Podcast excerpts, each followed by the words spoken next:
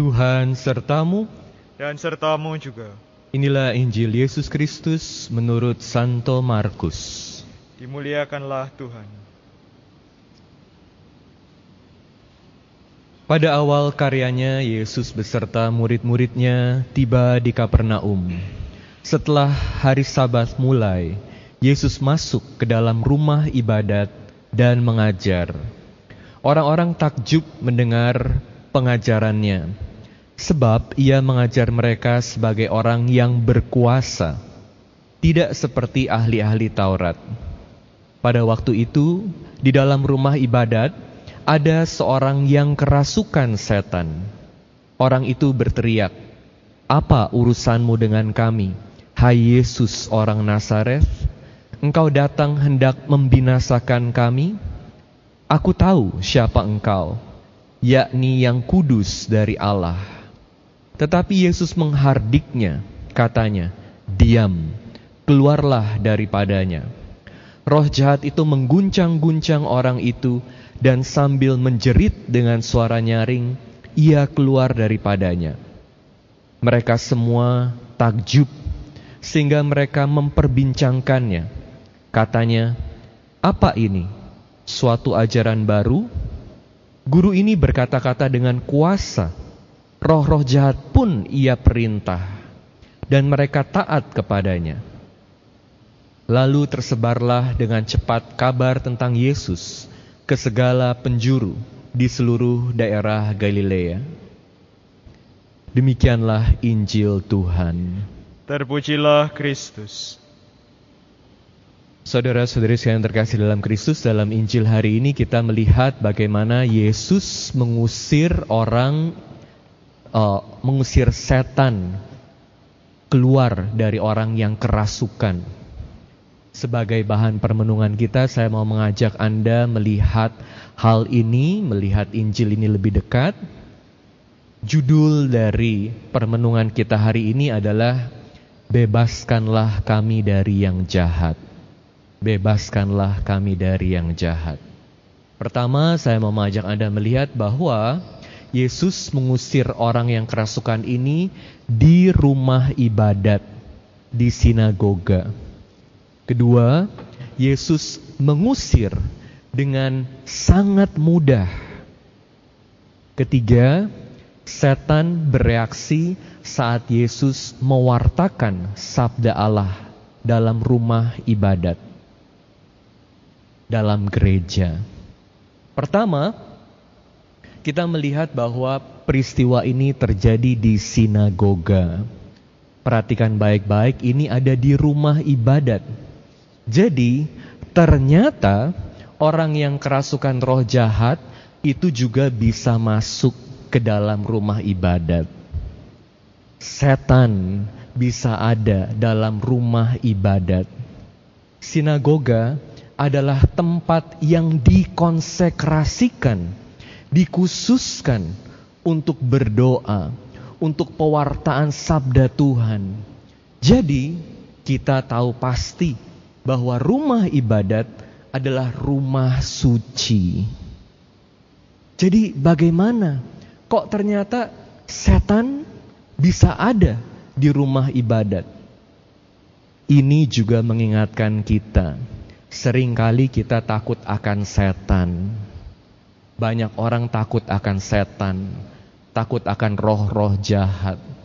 Ternyata untuk melawan setan itu nggak mempan hanya dengan pakai hal-hal yang suci, hal-hal yang dikuduskan, hal-hal yang diberkati.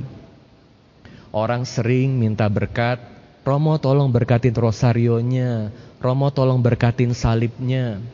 Hal-hal ini berguna atau tidak? Sangat berguna. Bagaimana gunanya? Karena hal-hal yang disucikan ini, yang diberkati ini, termasuk tempat suci, tempat ibadat. Ini mengingatkan kita akan kuasa Tuhan, akan kasih Tuhan, membawa kita kepada realitas Allah. Tapi nggak cukup hal-hal seperti ini digunakan hanya untuk menakut-nakuti setan. Karena setan pada kenyataannya tidak takut akan hal-hal ini. Yang setan takut adalah Allah sendiri, Yesus sendiri. Jadi, kalau kita pakai banyak hal-hal yang sudah diberkati, mau pakai rosario lima lapis, atau di tangannya pakai cincin salib semua yang udah diberkati, tapi hatinya kosong, tidak punya iman, bahkan terus hidup dalam dosa. Bagaimana bisa melawan kuasa setan? Gak bisa. Karena setan gak takut akan hal-hal ini. Sekali lagi, yang setan takut, mau rosarionya itu udah diberkati oleh Romo Adrian, atau oleh Paus sekalipun, setan gak takut. Kalau hatinya kosong, hatinya gak punya iman, Udah pakai rosario segitu banyak tapi terus dipenuhi dengan ketakutan. Terus hidup dalam dosa. Ah, setan makin ketawa. Kamu pikir saya takut? Yang setan takut sekali lagi adalah Allah sendiri. Makanya ketika Yesus berbicara dalam bait Allah dengan kuasanya langsung setan ini bereaksi, orang yang kerasukan setan. Dan Anda lihat bagaimana Yesus mengusir setan dengan sangat mudah. Karena apa? Karena Yesus adalah Allah sendiri.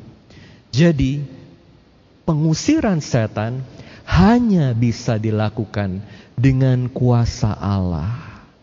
Yang kita harus selalu ingat adalah tujuan setan adalah menjauhkan kita dari Allah.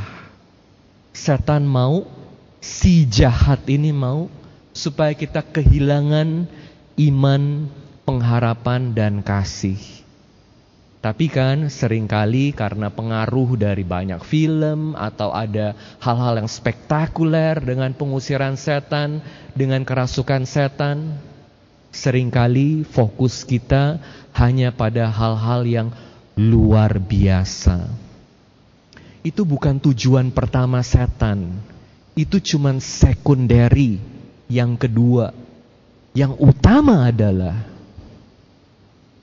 menjatuhkan manusia dalam dosa. Jadi setan gak perlu pakai cara-cara yang aneh-aneh, yang luar biasa untuk menjatuhkan kita dalam dosa. Kalau setan pakai cara yang aneh-aneh itu untuk menjatuhkan kita, itu tujuannya adalah membawa kita pada dosa. Supaya kita pikir kuasa setan itu lebih besar daripada kuasa Tuhan. Kita perlu lebih takut sama setan daripada sama Tuhan. Kita dikuasai oleh ketakutan, kehilangan pengharapan, kehilangan iman. Itu tujuan setan. Makanya yang setan bisa pakai adalah cara-cara yang sangat mudah menggoda kita untuk jatuh dalam dosa.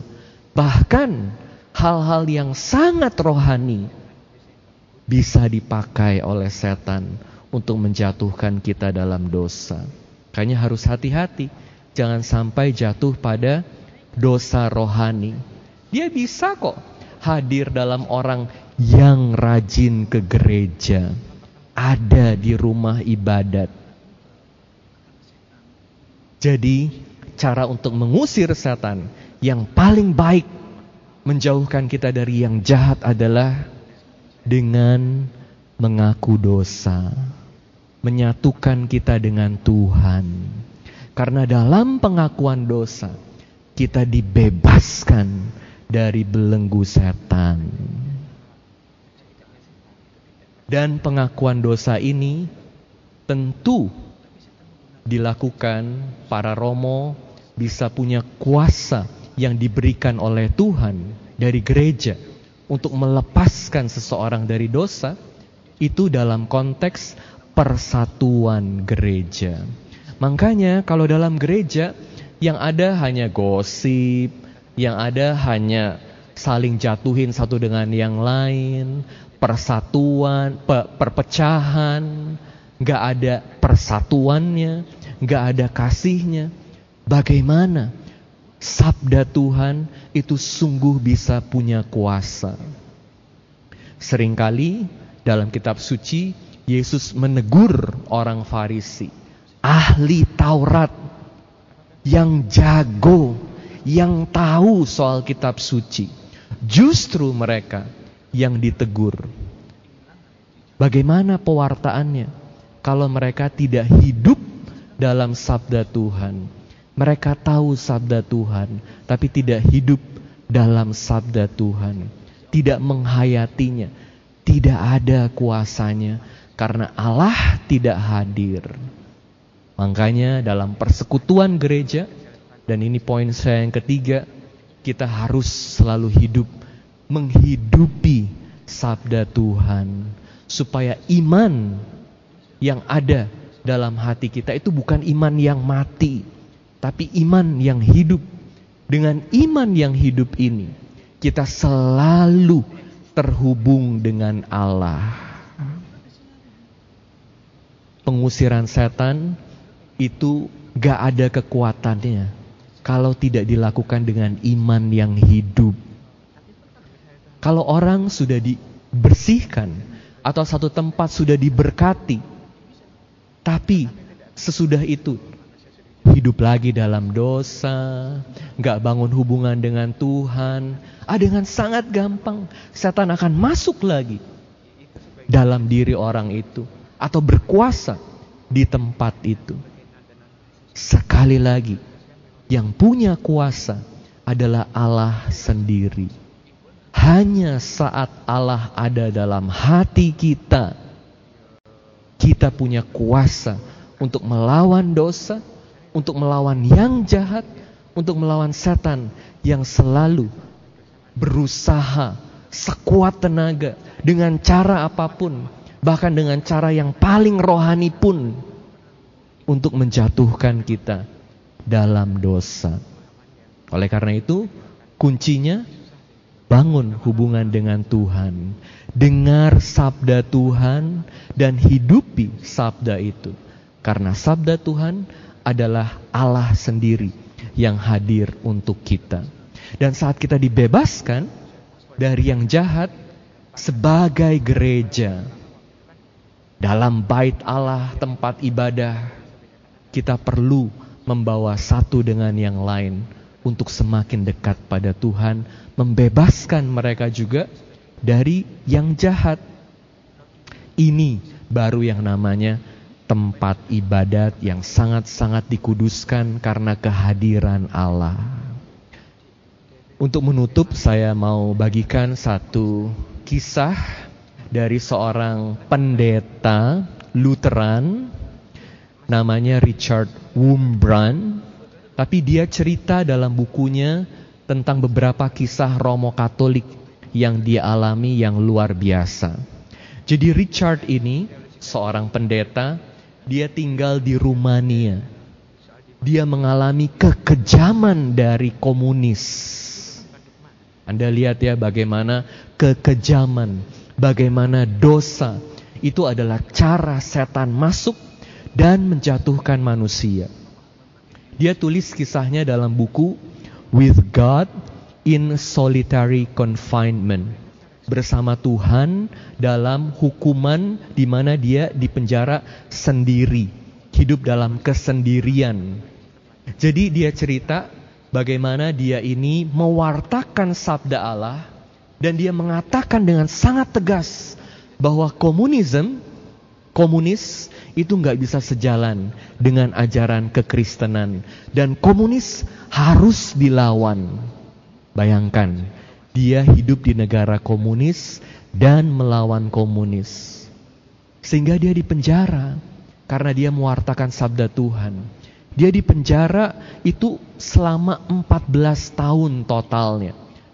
Sebelum kemudian akhirnya teman-temannya selamatin dia dan dia bisa pergi hidup di Amerika. Waktu dia mulai di penjara saat itu umur dia 39. Dia ditaruh di satu sel, satu ruangan di bawah tanah, gak ada jendelanya, gelap, sendiri, berhari-hari, berminggu-minggu, berbulan-bulan. Bisa gila gak kalau kayak begitu? Bisa sakit mental. Tapi dia selalu hidup bertahan dengan sabda Tuhan. Sampai satu hari dalam keheningannya dia dengar ada ketokan di dinding. Dia pikir ini bayangan dia sendiri aja, dia mulai gila atau gimana. Terus dia dengar ketukannya itu. Setelah dia perhatiin ini benar. Dan dia mulai perhatiin ternyata ada patternnya. Ternyata ada komunikasi yang mau disampaikan kepada dia. Ada pesan. Itu adalah dari orang yang tinggal di sebelah sel dia juga. Di sebelah kamar dia. Ternyata ini pesan mau komunikasi. Lalu dia mulai tangkap cara untuk mengerti komunikasi itu. Jadi teman di kamar sebelahnya itu tanya sama dia, kamu siapa? Kemudian Richard yang udah mulai ngerti kodenya dia jawab, saya seorang pendeta.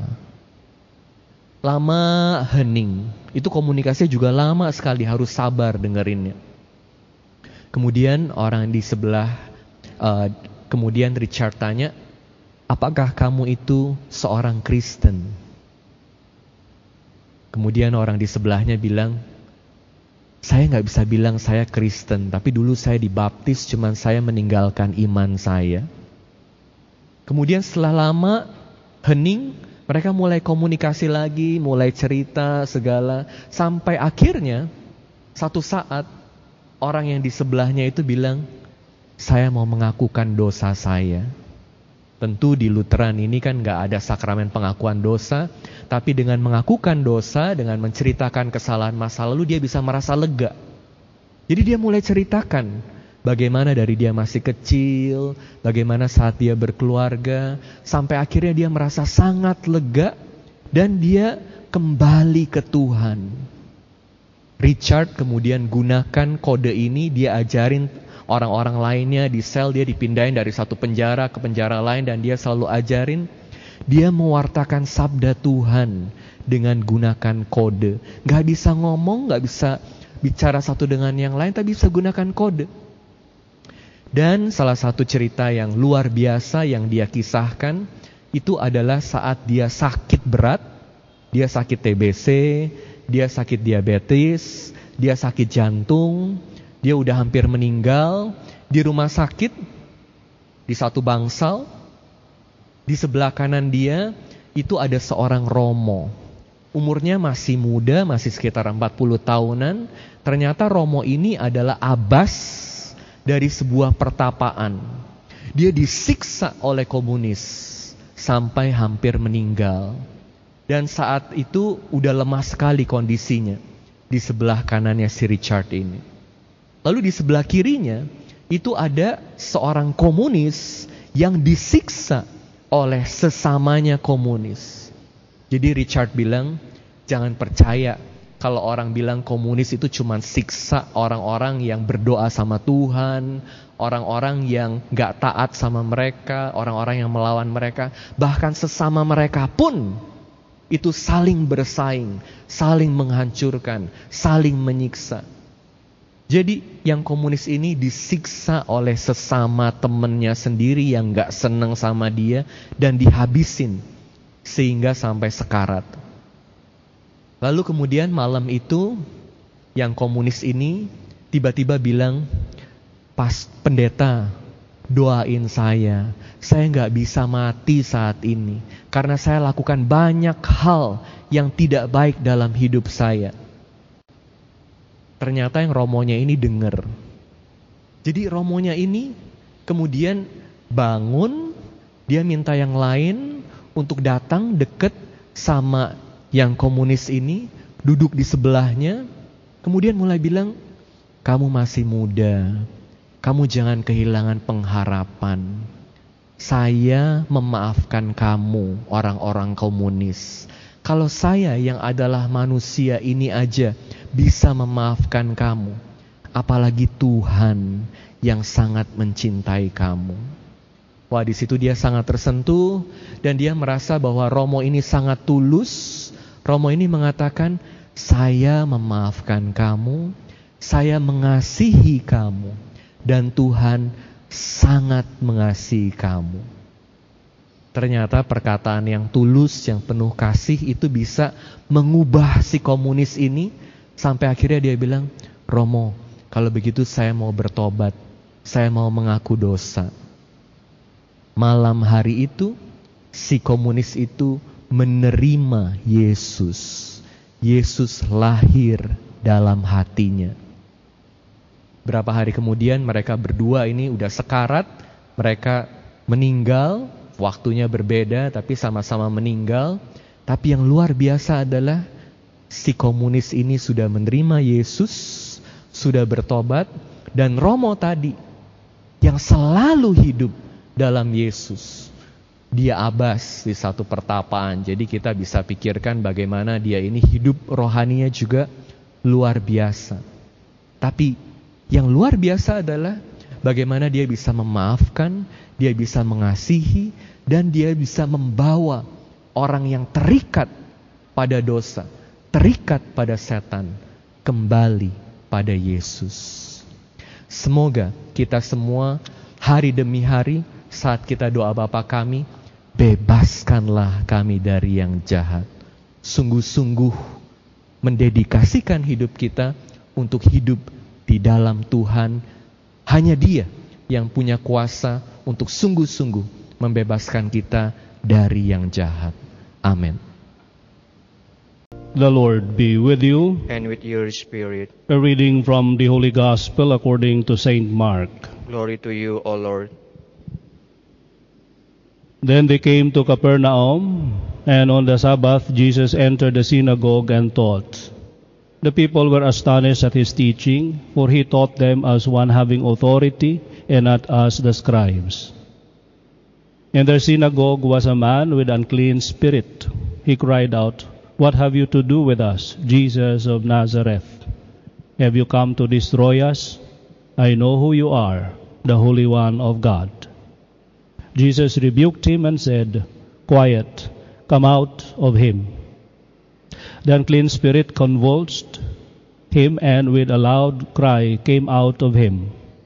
All were amazed and asked one another, What is this? A new teaching with authority. He commands even the unclean spirits, and they obey him. His fame spread everywhere throughout the whole region of Galilee. The Gospel of the Lord. Praise to you, Lord Jesus Christ.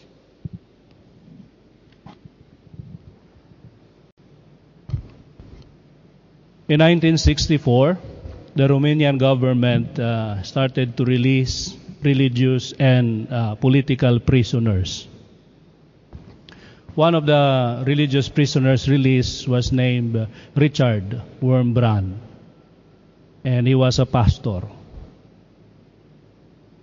But he spent uh, long years in prison, about 14 years. And three years of those 14 years were spent in solitary confinement.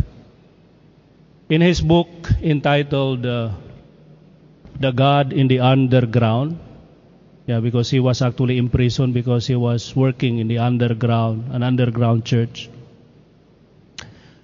He described his room. It was a basement room without windows and only lighted by a bare bulb the whole day or the whole time. So he has no contact with the outside world, not even looking at trees, no windows. It was really like a torture in itself, other than the physical torture that he received from those who imprisoned him. Then one day, uh, even in that room, there was even no toilet. That's why he has to depend on the guard. If he has to go for his personal necessities, he has to call for the guard. And the guards oftentimes tortured him by not opening immediately the door or letting him do his thing. So he was really suffering physically, psychologically, and uh, as a person, yeah, uh, stripped of his dignity. Then one day he heard a, a gentle tapping on the door, uh, on, on the wall, on the wall. Next to his room. Ah, then he was wondering what is what is it. Then he realized that there's another prisoner in the other room.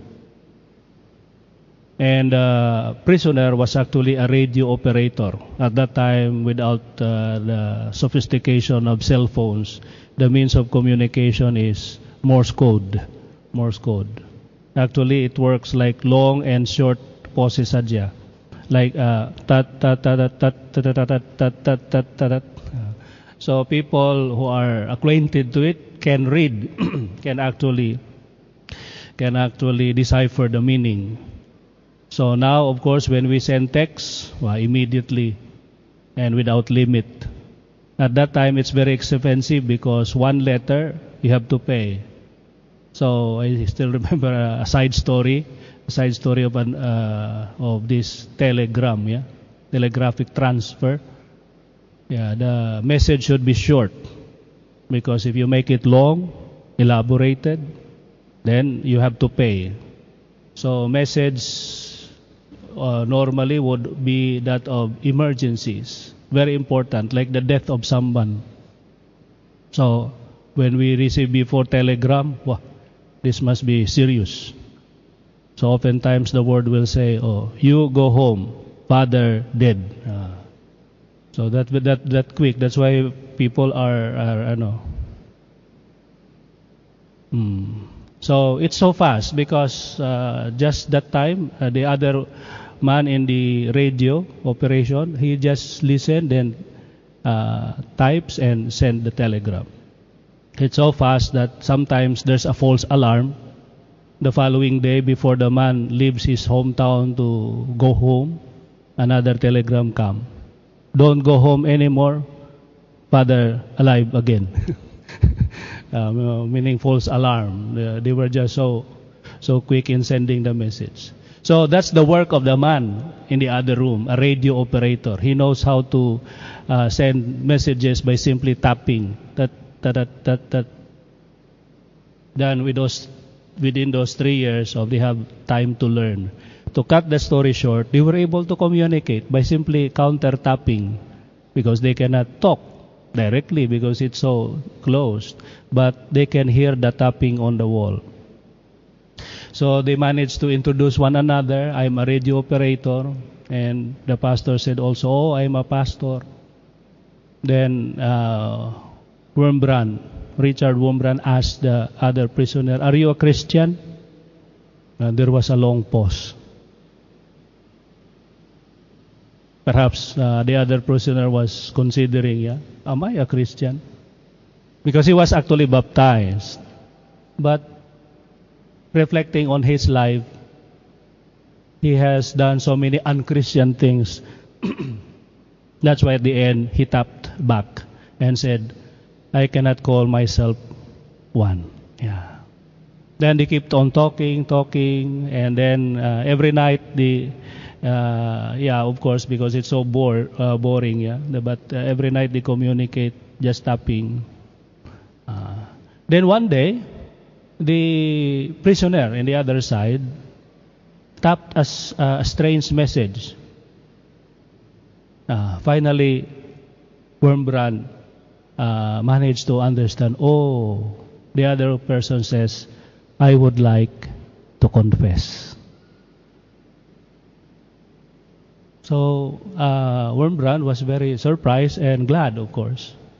So the other man, the other prisoner, started confessing his sins. Slowly, with a lot of pauses, he must be thinking deeply because the confession left nothing unhidden.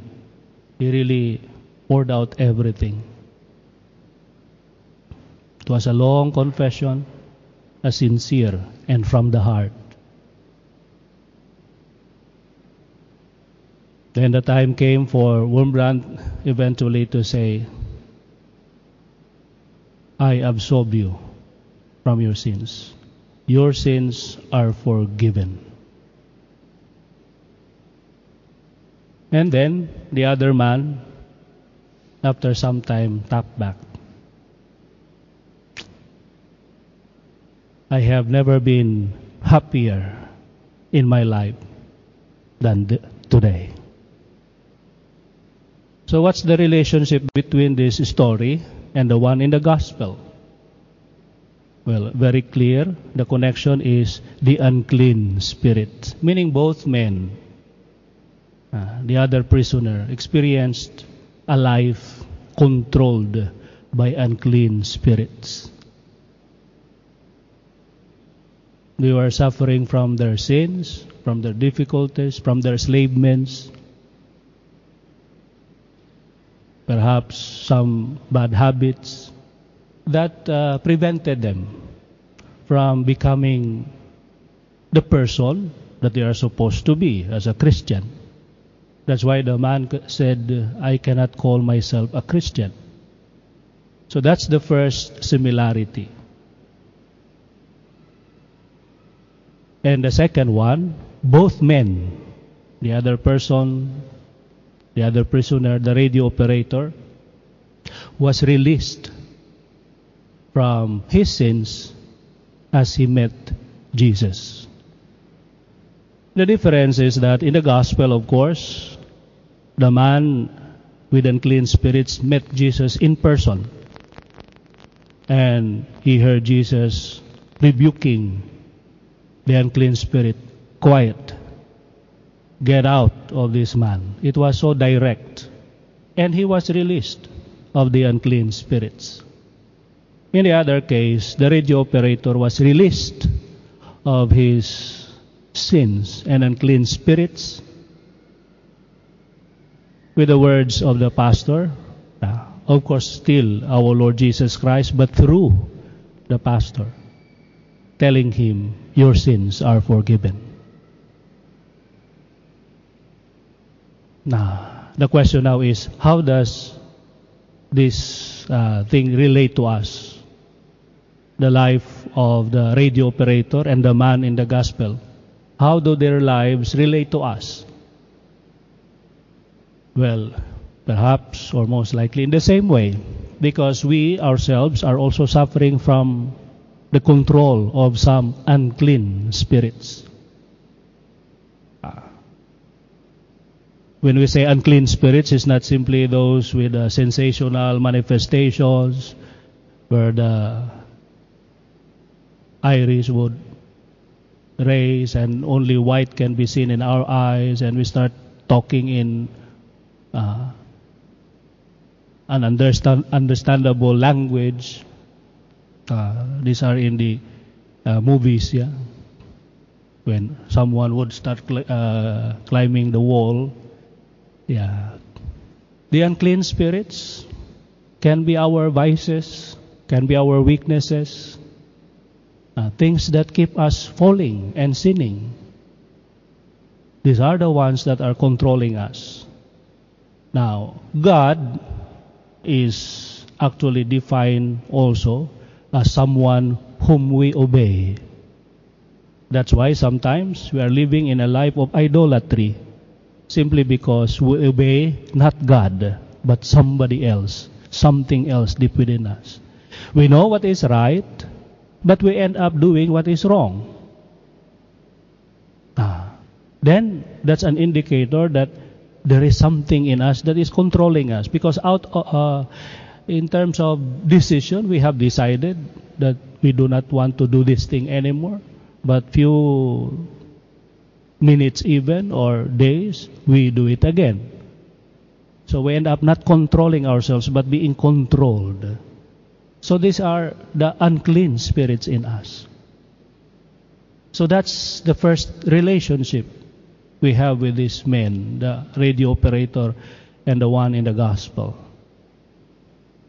Uh, the good news is, just like them, just like the radio operator and the man in the gospel, we can also be released from our sins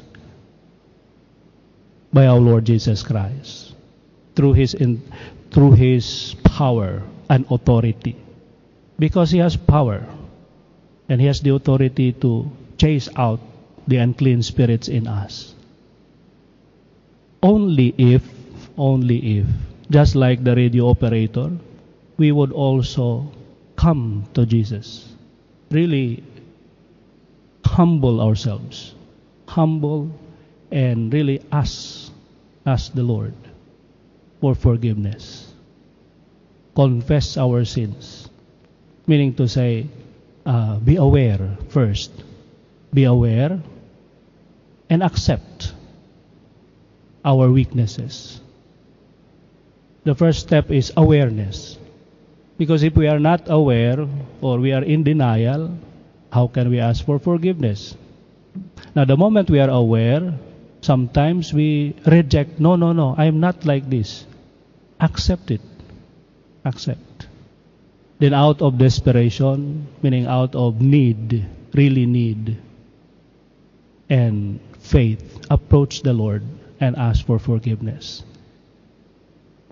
Sometimes our efforts is on the personal capacity only, meaning we just rely on ourselves, our own strength to free us from these unclean spirits.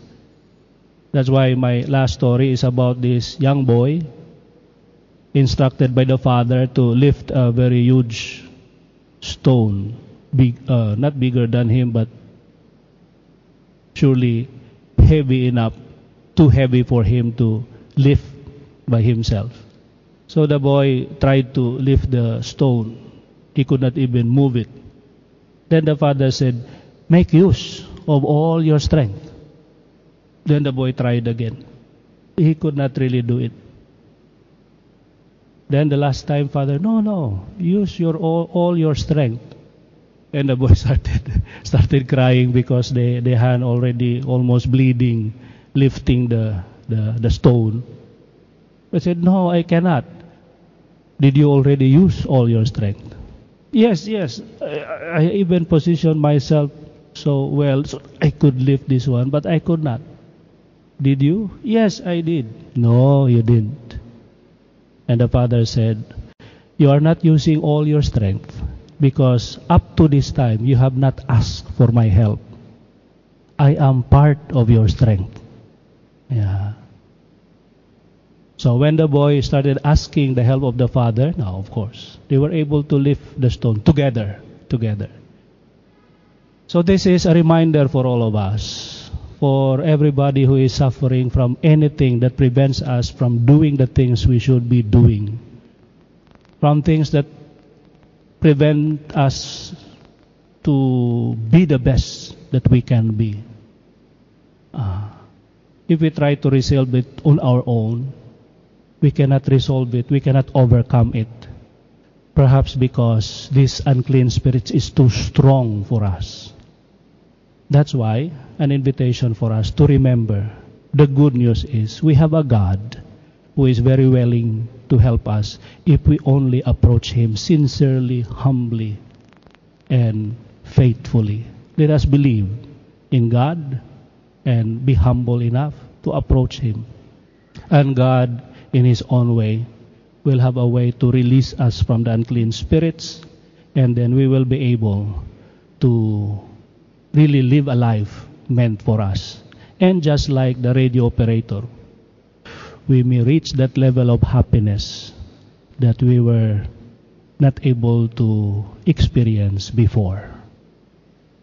The joy and the happiness of someone released from the control and enslavements of unclean spirits and experience the joy of having the Holy Spirit in our lives. Amen. Tuhan sertamu, dan sertamu juga. inilah Injil Yesus Kristus menurut Santo Markus. Dimuliakanlah Tuhan. Pada awal karyanya, Yesus beserta murid-muridnya tiba di Kapernaum.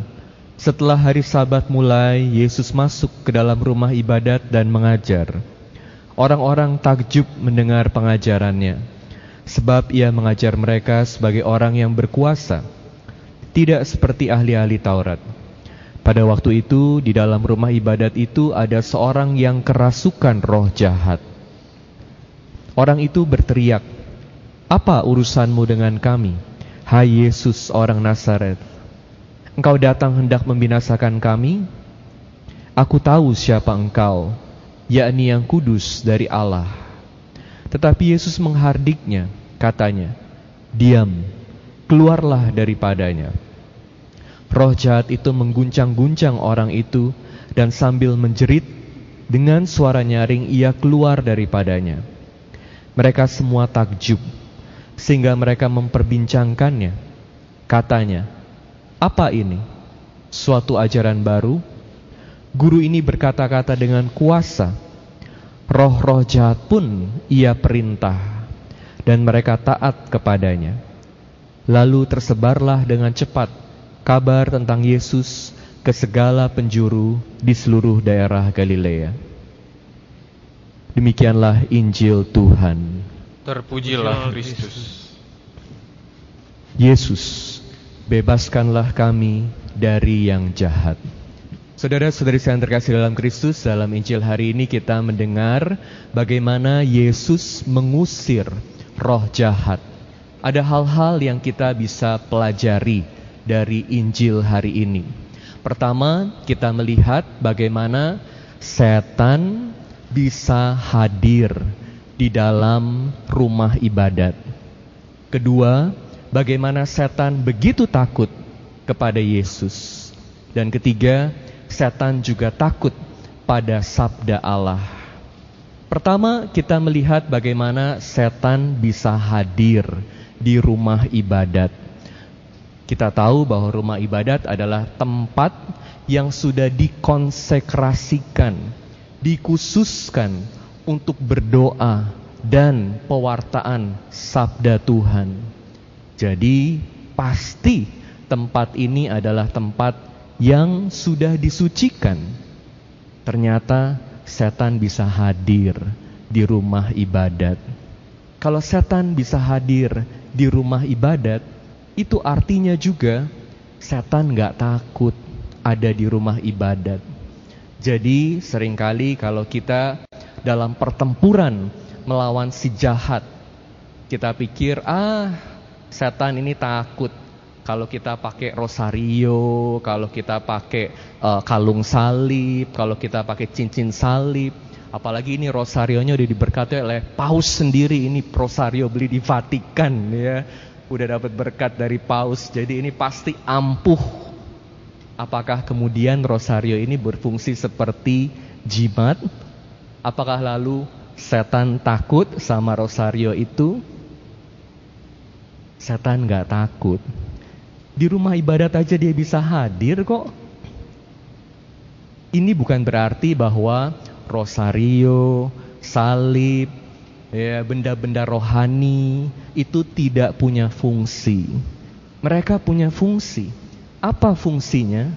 Fungsinya adalah benda-benda rohani ini mengingatkan kita akan kehadiran Tuhan dalam hidup kita, akan kuasa Tuhan dalam hidup kita, akan kasih Tuhan dalam hidup kita. Tapi kita harus selalu ingat kalau benda-benda rohani ini tidak membawa kita kepada Tuhan, tidak menghubungkan kita pada Tuhan, benda-benda rohani ini nggak punya kuasa untuk melawan setan. Yang punya kuasa, yang setan takuti, itu bukan benda-benda rohani ini, tapi Allah sendiri. Jadi kalau kita mau pakai cincin di semua jari kita ada cincin salibnya. Rosarionya berlapis-lapis. Ah tapi kita nggak pernah berdoa. Kita nggak hidup dalam Tuhan. Kita nggak pernah jalankan firman Tuhan. Kalau ada sesuatu yang menakutkan buat kita, kita udah langsung gemeter. Di mana iman kita? Apakah sungguh Allah hidup dalam hati kita. Yang setan takut adalah Allah sendiri. Makanya dalam bacaan Injil ini saat setan berhadapan dengan Yesus dia langsung takut. Makanya kalau mau melawan setan caranya bukan beli rosario sebanyak mungkin, pasang salib sebanyak mungkin, tapi harus berdoa sesering mungkin supaya sungguh Yesus hidup dalam hati kita. Punya hubungan dengan Tuhan. Dan benda-benda rohani itu akan punya kekuatan. Karena dia mengingatkan kita dan menghadirkan Allah dalam hidup kita. Dalam diri kita. Tapi iman ini yang utama. Dan di sini kita harus juga ingat sebetulnya apa sih yang setan mau capai? Kalau sekarang kita lihat pengusiran setan itu sepertinya yang serem-serem ya. Nonton film horor, frater-frater juga pada takut sendiri habis nonton film horor ya. Tapi ini hal-hal yang wah luar biasa yang ditonjolkan. Tujuan setan itu sederhana. Menjatuhkan manusia pada dosa. Menjauhkan manusia dari Tuhan.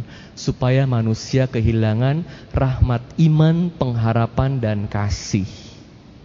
Untuk itu, dia nggak perlu lakukan yang serem-serem. Yang serem-serem ini cuman sekunder. Yang primer, yang paling penting justru adalah godaan-godaan yang indah. Kalau kita lihat setan datang deketin kita begitu menyeramkan, ah kita langsung lari.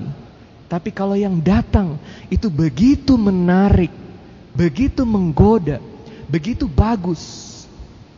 Ingat, setan ini sangat pintar mengelabui kita. Sehingga kita tidak tahu bahwa musuh kita ini udah ada di depan kita. Kalau dalam bacaan Injil hari ini ada orang yang berada di dalam rumah ibadat bisa kerasukan setan, artinya setan bisa pakai semua orang bahkan yang rajin ke gereja untuk menjadi alatnya menjatuhkan orang-orang lain dalam dosa. Jadi kita harus hati-hati. Makanya harus selalu mohon rahmat dari Tuhan supaya bisa membedakan. Karena setan sangat pintar mengelabui kita. Yang jadi pegangan kita selalu adalah Yesus sendiri yang hadir dalam hidup kita.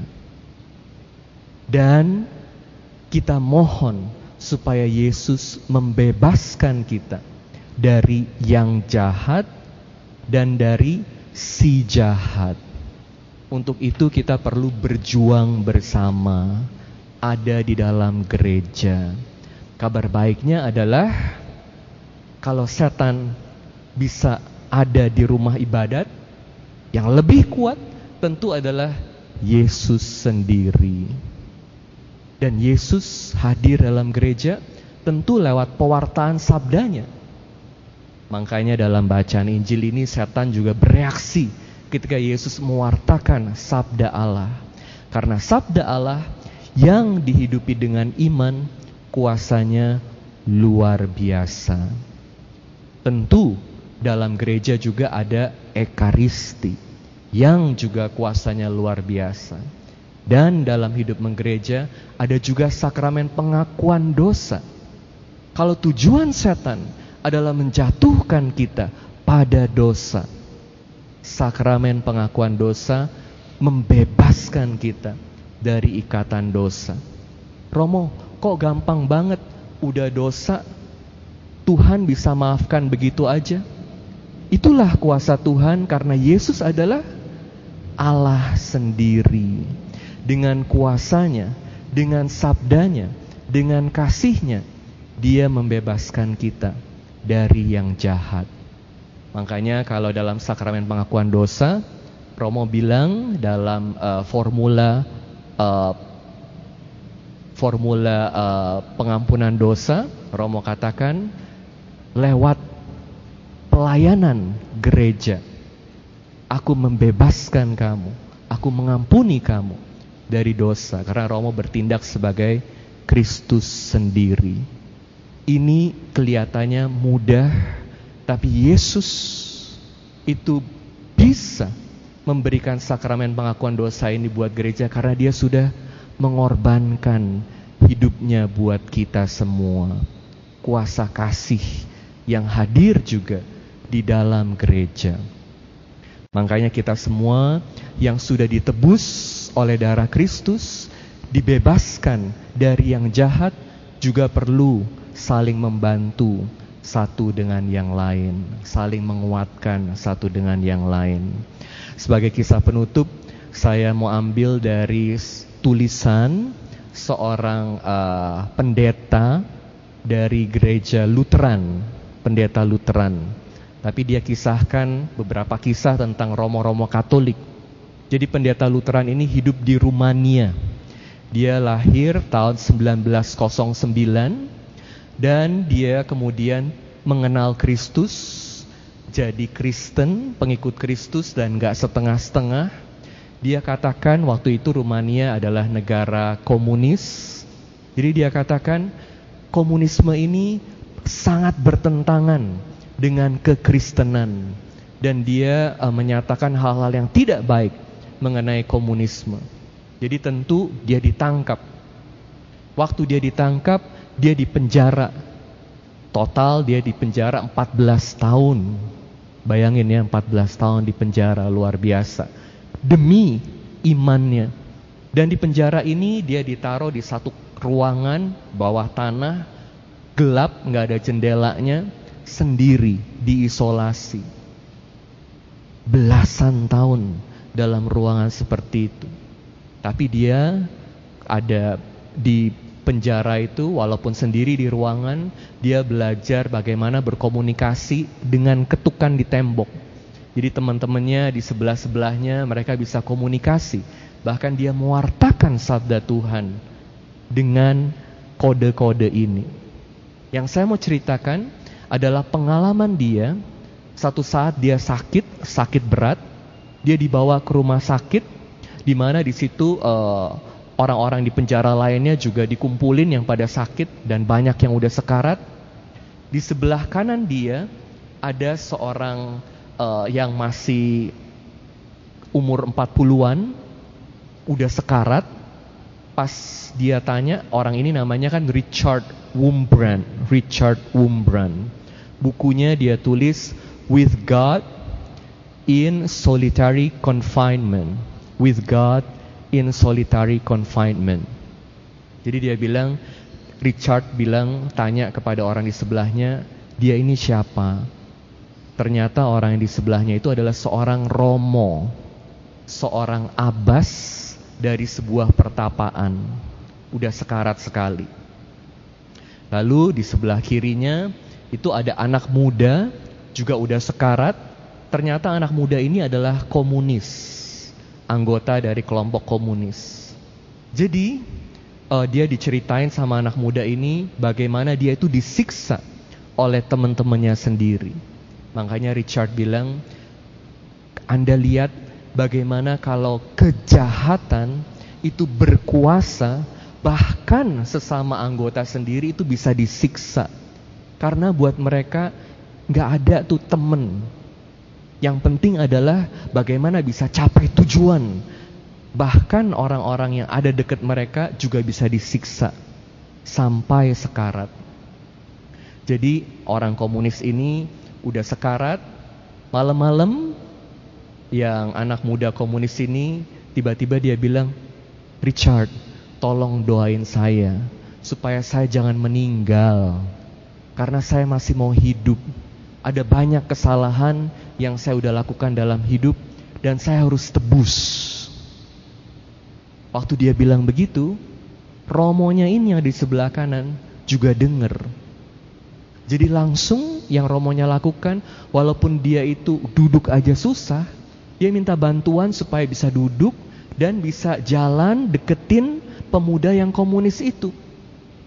Tentu dia jadi sekarat karena disiksa oleh orang-orang komunis, oleh teman-temannya anak muda ini, bahkan anak muda ini sendiri mungkin adalah salah satu yang siksa dia. Tapi dia bilang, kamu masih muda. Sebagai orang muda, sering kali buat banyak kesalahan. Tapi jangan khawatir, saya memaafkan kamu dan saya mengasihi kamu. Richard bilang, waktu si Romo ini bilang saya mengasihi kamu, itu kedengarannya sangat jujur. Bukan hanya klise, kata-kata kosong belaka, tapi penuh kasih, penuh arti. Kata-kata yang punya kuasa, punya daya. Jadi Romo bilang, saya mengasihi kamu. Kalau saya aja yang manusia bisa mengampuni kamu dan mengasihi kamu, apalagi Allah, Yesus yang mencintai kita semua. Wah, langsung anak mudanya itu sangat tersentuh, dia nangis dan malam itu dia uh, minta mau kenal Yesus lebih dalam lagi sampai akhirnya dia mau ngaku dosa. Dia mengalami pertobatan. Beberapa hari kemudian si Romo meninggal, anak muda ini juga meninggal. Tapi anak muda ini meninggal dalam ketenangan, meninggal dalam kasih Allah. Dia sudah diselamatkan oleh Yesus lewat Romo ini yang punya iman yang hidup. Kuasa setan dilepaskan, dikalahkan oleh kuasa kasih. Bagaimana dengan kita semua? Rajin ke gereja? Tadi saya sempat tanya sama satu frater, uh, frater, gimana setan bisa ada gak dalam gereja. Yalah Romo, soalnya masih banyak yang ngantuk dalam gereja. Yeah. Kita mohon supaya kita semua yang rajin ke gereja sungguh-sungguh hidup dalam rahmat iman, pengharapan dan kasih. Karena setiap hari yang kita doakan adalah bebaskanlah kami dari yang jahat. Amin.